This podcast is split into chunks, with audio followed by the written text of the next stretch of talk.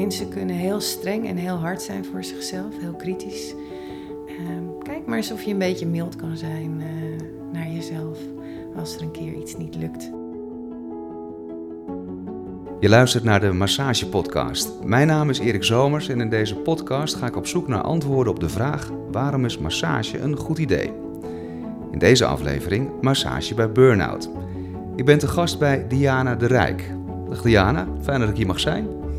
Welkom. We zitten hier in je praktijk Bistare in Utrecht. Mhm. Ik zeg het goed, hè? Bistare. Ja, Bistare. Dat is? Bistare is Nepalees en dat betekent eigenlijk zoiets als slowly, slowly, langzaam. Ik help inderdaad mensen bij het herstel van de burn-out. Uh, maar ik help ook mensen die burn-out klachten, burn-out-achtige klachten hebben, stressklachten hebben, om juist die burn-out te voorkomen. Dat is de vraag van dit interview. Waarom is massage bij burn-out een goed idee? Ja, massage bij burn-out is een heel goed idee, omdat het mensen helpt uh, in contact te komen met hun lijf, waardoor ze minder in hun hoofd zitten en beter signalen in hun lijf kunnen leren herkennen. Uh, want eigenlijk uh, is dat heel belangrijk en um, vaak geeft het heel veel rust en heel veel ontspanning.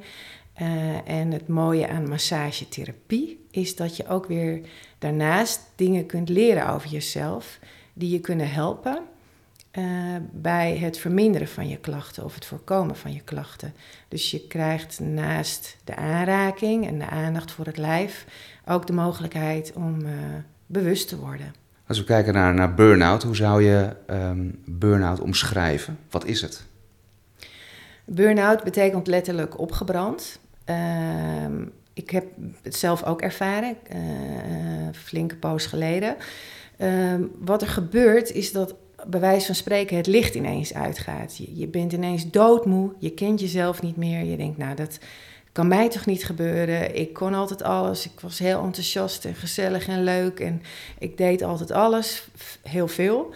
En ineens kan er niks meer. Eh, is er soms een gesprek al te veel. Um, en mensen zien het niet aankomen. Ik heb het ook eigenlijk niet zien aankomen.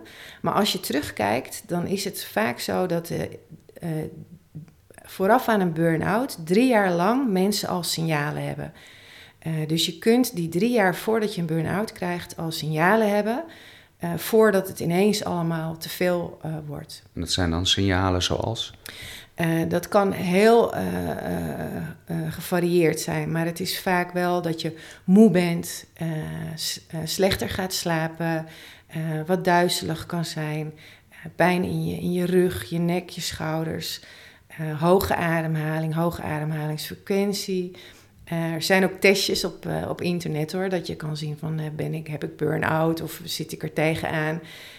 maar het kan ook zijn dat je ineens je enkel verzwikt of ehm, tinnitus krijgt. Mensen kunnen ook kijken naar wat voor persoonlijkheid heb ik eigenlijk. Hè?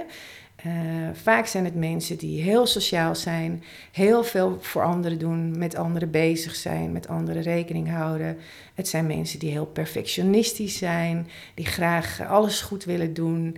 Uh, nou, heb je dat soort kenmerken, dan heb je ook de neiging om alsmaar door te gaan, alsmaar te rennen, te, door te blijven hollen. Geen moment van rust.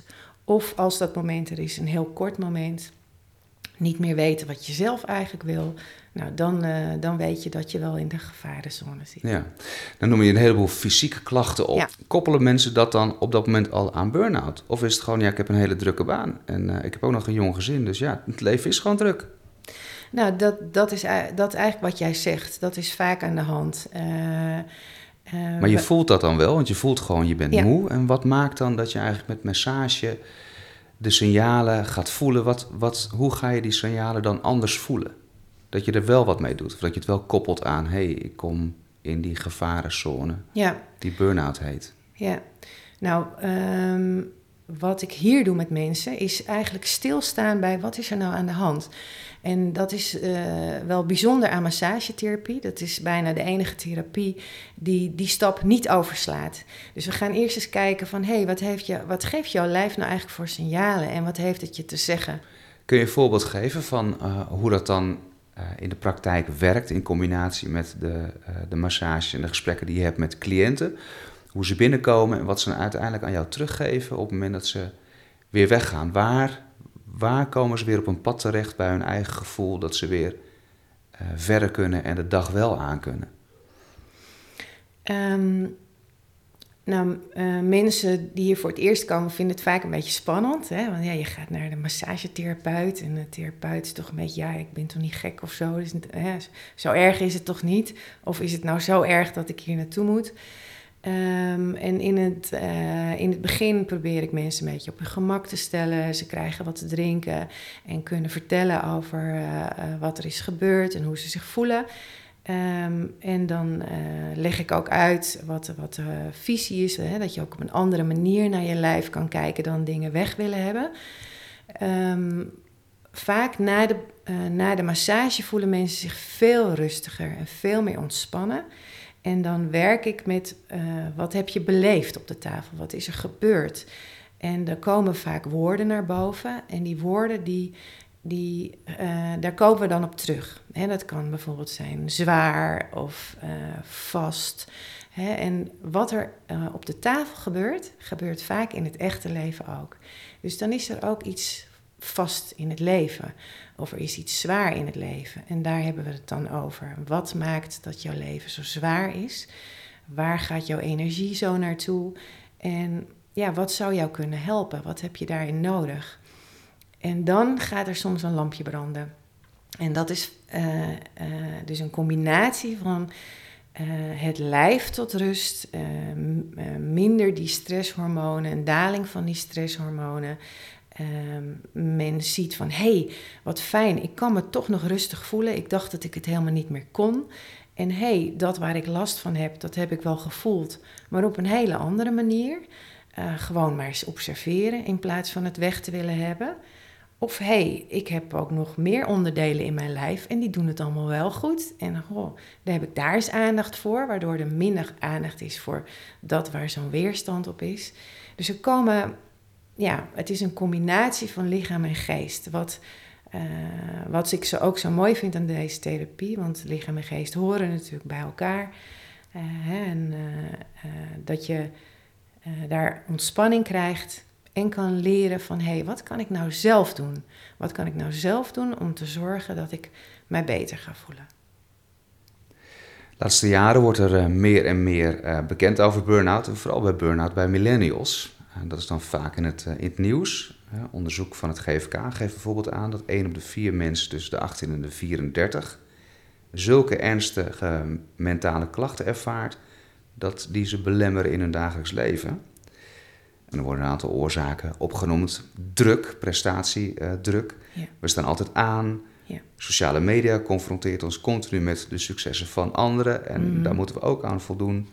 En tegenwoordig kan en mag alles. Dat leidt dan weer tot keuzestress en een altijd te volle agenda. Het trof mij wel dat ik dacht van, oh, die hele jonge generatie, net afgestudeerd, twee jaar aan het werk en alweer ziek uh, thuis voor zes of twaalf maanden, zo niet langer. Ja. Wat is er aan de hand? Volgens jouw idee. Ja. En wat jij tegenkomt hier op de massagetafel. Ja, um, nou, het, klopt wat je zegt. Um, ik zie dat hier in mijn praktijk ook steeds meer. Dat er uh, steeds jongere mensen, steeds meer studenten. Ik ben uh, bij een lezing van Bram Bakker geweest. Dat, die heet ook Opgebrand. Daar ging dit, daar ging dit ook over. Uh, dit is de maatschappij waarin wij leven. Uh, er zijn zelfs me meisjes die onder de douche uh, hun mobiel in hun hand houden, uh, omdat ze bang zijn iets te missen, hè, de fear of missing out. En ehm, we willen er allemaal graag bij horen. hoe is het als je niet snel genoeg op een appje reageert? Dan kun je je er soms al uitliggen bij een groepje. Waarom zie je dat bijna alle meisjes op de middelbare school lange haren hebben en uh, hetzelfde jasje, dezelfde spijkerbroek, dezelfde gimpen. We willen er zo graag bij horen. Uh, en het is heel moeilijk om uh, dan daar, je eigen gevoel daarbij te volgen. Als niemand anders dat doet. Als er niemand zegt ineens van nou, ik ga mijn haar eens even kort knippen en groen verven. Want dan ben je toch wel een beetje anders. en hoe, hoe is dat dan? Word je dan nog geaccepteerd? We gaan maar door daardoor is het heel moeilijk om te voelen. Er zijn te weinig momenten van rust. Uh, we staan inderdaad altijd maar aan. En die momenten van rust, die zijn te kort. Dus er is te weinig ruimte voor herstel. En dan gieren die uh, hormonen door je lijf. Uh, en stress is op zich ook helemaal niet slecht, want we hebben het nodig in bepaalde situaties als er echt gevaar dreigt. Um, maar als er continu stresshormonen worden aangemaakt, ja, dan is je lichaam volledig uit balans. En dan uiteindelijk gaat het niet meer goed.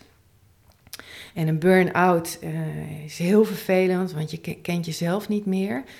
Uh, en anderzijds is het, zie ik het ook achteraf nu, hè, uh, voor mijzelf, en dat hoor ik ook wel van anderen, als een, als een cadeautje. En ik weet, als je daar middenin zit, dan denk je, ja, dat is makkelijk. Maar het is een persoonlijke crisis en een crisis, afhankelijk van de manier waarop je dat benadert, kan je heel veel brengen, kan je heel veel leren over jezelf. En misschien is het wel zo dat we dat misschien wel nodig hebben. Uh, want we leren namelijk niet op school uh, hoe we moeten omgaan met alle media, mogelijkheden, alle social media en alles uh, wat we tegenwoordig allemaal kunnen doen. Op, um, als je googelt op een burn-out, en dat is natuurlijk ook eigenlijk wat je het eerste doet, je voelt je al een tijd lang slecht en toch maak je maar weer eens even die afspraak dan Misschien al voor de zoveelste keer of misschien wel na lang wachten voor de eerste keer bij de huisarts. En dan leg je alles op tafel. Ik ben zo ontzettend moe, puntje, puntje, puntje, puntje. Dan stelt de huisarts vast, nou je hebt last van een burn-out. Dan begint er vaak een soort keten al te lopen. Er is een soort van protocol, want we moeten die fases door. Mm begrijpen, accepteren, fase 1. Althans, dat lees ik op thuisarts.nl. Uh, problemen op een rij zetten en oplossingen bedenken. En fase 3, oplossen en uitvoeren. Mhm. Een psycholoog komt soms nog in die fases mm te pas, want dan gaat het over je gedrag. Waar in die fases zit jij met massagetherapie? Um, ja, nou wat je zegt klopt. Huisarts dan vaak naar de POH GGZ. Dat, is een praktijkondersteuner uh, van de huisarts. Uh, die kijkt dan eerst van, goh, waar sta jij? Heb je heel zwaar burn-out? Kun je geen winkel meer in? Of uh, ben je gewoon een beetje nerveus en slaap je wat minder? Um, dan kan het zijn dat er doorgestuurd wordt naar een psycholoog. En vaak is dat de eerste richting, praten. En kijken of je wat bewust kan worden over jezelf. Um, de vraag is of dat helpt. Uh, bij de voorstelling van Bram Bakker werd die vraag gesteld. Er staat ook aardig wat therapeut in de zaal. En eh, de meeste mensen waren het erover eens dat het eigenlijk niet echt helpt. Um, maar uh, soms helpt het een beetje. Um, ik denk zeker dat het niet slecht is. maar ik zou pleiten voor een combinatie. Voor een combinatie van praten en een, een lichaamsgerichte benadering. En dat is eigenlijk wat je vindt bij massagetherapie. Ik ben geen psycholoog, ik ben ook geen fysiotherapeut, maar ik zit er eigenlijk een beetje tussenin. Mensen die uitvallen, um, is zeker op het werk hmm. uh, een probleem. Ja. Voor de mensen zelf, maar ook voor de werkgever. Zeker. Heb jij contact met werkgevers over burn-out, preventie of uh, het helpen herstellen bij burn-out? Um, ik heb niet direct contact met uh, werkgevers, maar ik heb wel contact met een coachingspraktijk die uh, mensen helpt uh, die op het werk zijn uitgevallen. Die krijgen daar dan een, een budget voor. En in sommige gevallen zijn er mensen die gecoacht moeten worden die in Utrecht wonen. Uh, en dan kijken zij ook op een holistische manier van, nou, wat hebben wij zelf aan coaches hier rondlopen en waar zou nog massagetherapie ook uh, kunnen helpen. En op die manier help ik ook wel uh, mensen, want het is inderdaad een gegeven dat burn-out ook vaak te maken heeft met heel veel druk op het werk. Uh, het gevoel dat mensen niet gehoord worden. Dat er alles, alleen maar meer werk bij komt. En dat er niks met hun uh, mening of uh, signalen wordt gedaan. Um, daarnaast is het natuurlijk altijd wel zo dat een aantal mensen raakt burn-out en een aantal helemaal niet. Hè, die werken bij diezelfde werkgever, maar die kunnen daar waarschijnlijk op een andere manier mee omgaan. Dus dat is wel heel belangrijk ook dat mensen zich beseffen. Het, het gaat er ook om hoe ik ermee omga. Tegelijkertijd is het belangrijk om heel goed te luisteren naar je gevoel en te kijken van pas ik wel binnen zo'n werkomgeving? Is dat waar ik wil werken? Voor een werkgever die niet naar mij luistert, die helemaal niks doet met mijn signalen. Hoe kun je nou, als je deze podcast hoort, uh, of je hoort deze podcast en je kent iemand in je omgeving die je uh, een handje wil helpen, wat zijn de signalen waar je alert op moet zijn, waarbij je eigenlijk kan zeggen: oké, dat is misschien wel een voorstadium al van burn-out? Nou, dat is, dat is heel um, uh, bijna geniepig eigenlijk. Want juist die medewerkers waar je nooit iets van hoort, waar het altijd goed gaat, die alle problemen oplossen, die, uh, daar zit hem de gevaar in. Want die hoor je niet klagen. Die, die, die lossen het wel op. En die, die zijn dus in de avonden bezig en in de weekenden. En die uh, als eerste opstaan van: oh dat, oh, dat kom maar, dat doe ik wel even. Of dat pak ik er nog wel bij. Uh, daar kun je op letten als werkgever. Dus die mensen die. Um, uh, waar, je, waar het eigenlijk ogenschijnlijk heel goed lijkt te gaan, daar zou wel eens een gevaar in kunnen zitten. Um, en wat, wat kun je dan doen als werkgever? kom eens even zitten. Volgens mij zit je in het voorstadium van burn-out. Lijkt me niet nou, een heel fijne ingang van een gesprek. Of? Nee, dat hoeft niet. Maar ik denk dat iedere medewerker aandacht verdient. En dat iedere medewerker uh, waardering uh, nodig heeft. En uh, dat is iets wat vaak ontbreekt. Een schouderklopje. Even zeggen van, goh, wat heb je dat, wat heb je dat fijn gedaan? Wat, heb je dat, wat ben ik blij met jou? maar daarnaast ook de tijd nemen om te horen van hoe gaat het met jou? Hoe, hoe, hoe, hoe, hoe voel jij je eigenlijk hier? Um, en, en daar de ruimte voor geven. En dat kan best wel lastig zijn, want een leidinggevende, uh, om je daarbij helemaal veilig te voelen en uh, je open te stellen en je kwetsbare kant te laten zien, want dat is iets wat mensen vaak heel erg moeilijk vinden of niet kunnen. Uh, dat kon ik zelf ook niet. Um, want ik was die stoere vrouw die alles wel, ook wel alles deed. Um, ja, dus de, een, een veilige uh, omgeving creëren en aandacht voor je medewerkers. Luisteren, wat speelt er, hoe gaat het? En dan daar uh, geen valse beloftes en kijken of je daar iets mee kan doen. Als je nu de komende vijf jaar in kan kijken, ja. hoe zie je dan de ontwikkeling op het gebied van, uh, van burn-out? Ik denk dat er nog heel veel gevallen bij gaan komen. Um, helaas, dat de leeftijd ook steeds jonger gaat worden. Uh, ik, weet, ik denk niet dat we de piek al bereikt hebben. Um, maar het heeft wel met onze maatschappij te maken. Um, mensen vergeten om pauzes te nemen. Ook leidinggevenden die eigenlijk het goede voorbeeld moeten geven. We zijn alsmaar bezig. En ja, ik, ik zou ervoor willen pleiten om eigenlijk in het onderwijs hier aandacht aan te geven. Om meer aandacht te geven aan het, aan het voelen. Hoe belangrijk het is uh, om de signalen van je lijf te kunnen herkennen, te kunnen voelen. Uh, en, daar ook, uh, en die ook serieus te nemen. Dat zou eigenlijk wel heel mooi zijn, denk ik. Heb je nog een laatste tip voor mensen die absoluut niet in een burn-out terecht willen komen?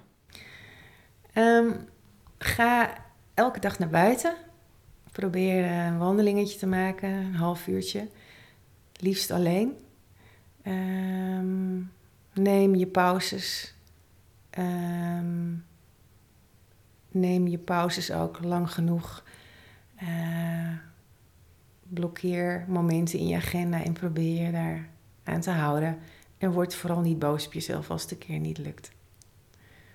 Dus ja, het gaat echt over tijd en rust nemen voor jezelf. En vooral een beetje aardig zijn voor jezelf, begrijp ik. Word niet boos op jezelf als het een keer niet lukt, zeg je. Ja, ja, mensen kunnen heel streng en heel hard zijn voor zichzelf, heel kritisch.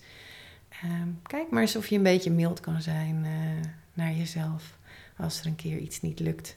Uh, er zijn mindfulness trainingen en een vervolg daarop heet ook compassietrainingen. Dus daar kun je ook leren hoe je wat meer lief kan zijn voor jezelf in plaats dat je jezelf voor je kop slaat als iets niet is gegaan zoals je dat had gehoopt. Um, ja, dus ehm, misschien is er iemand in je buurt die je heel erg lief vindt, een kind of een moeder. Nou, kijk maar eens hoe je die persoon behandelt en uh, misschien mag je jezelf ook wel zo behandelen. Dankjewel. Alsjeblieft. Tot zover deze aflevering van de Massage Podcast. Meer informatie over dit onderwerp vind je terug op de website massagehelpt.nl. Daar kun je dit gesprek behalve horen ook lezen. En als je wilt kun je hier ook reageren. Heb je vragen, een goed idee voor een onderwerp of wil je zelf een keer meewerken aan een massagepodcast? Dan hoor ik dat natuurlijk graag van je. Alle informatie en contactgegevens vind je op de website massagehelpt.nl. Voor nu, dank voor het luisteren en veel plezier met een volgende aflevering van de Massage Podcast.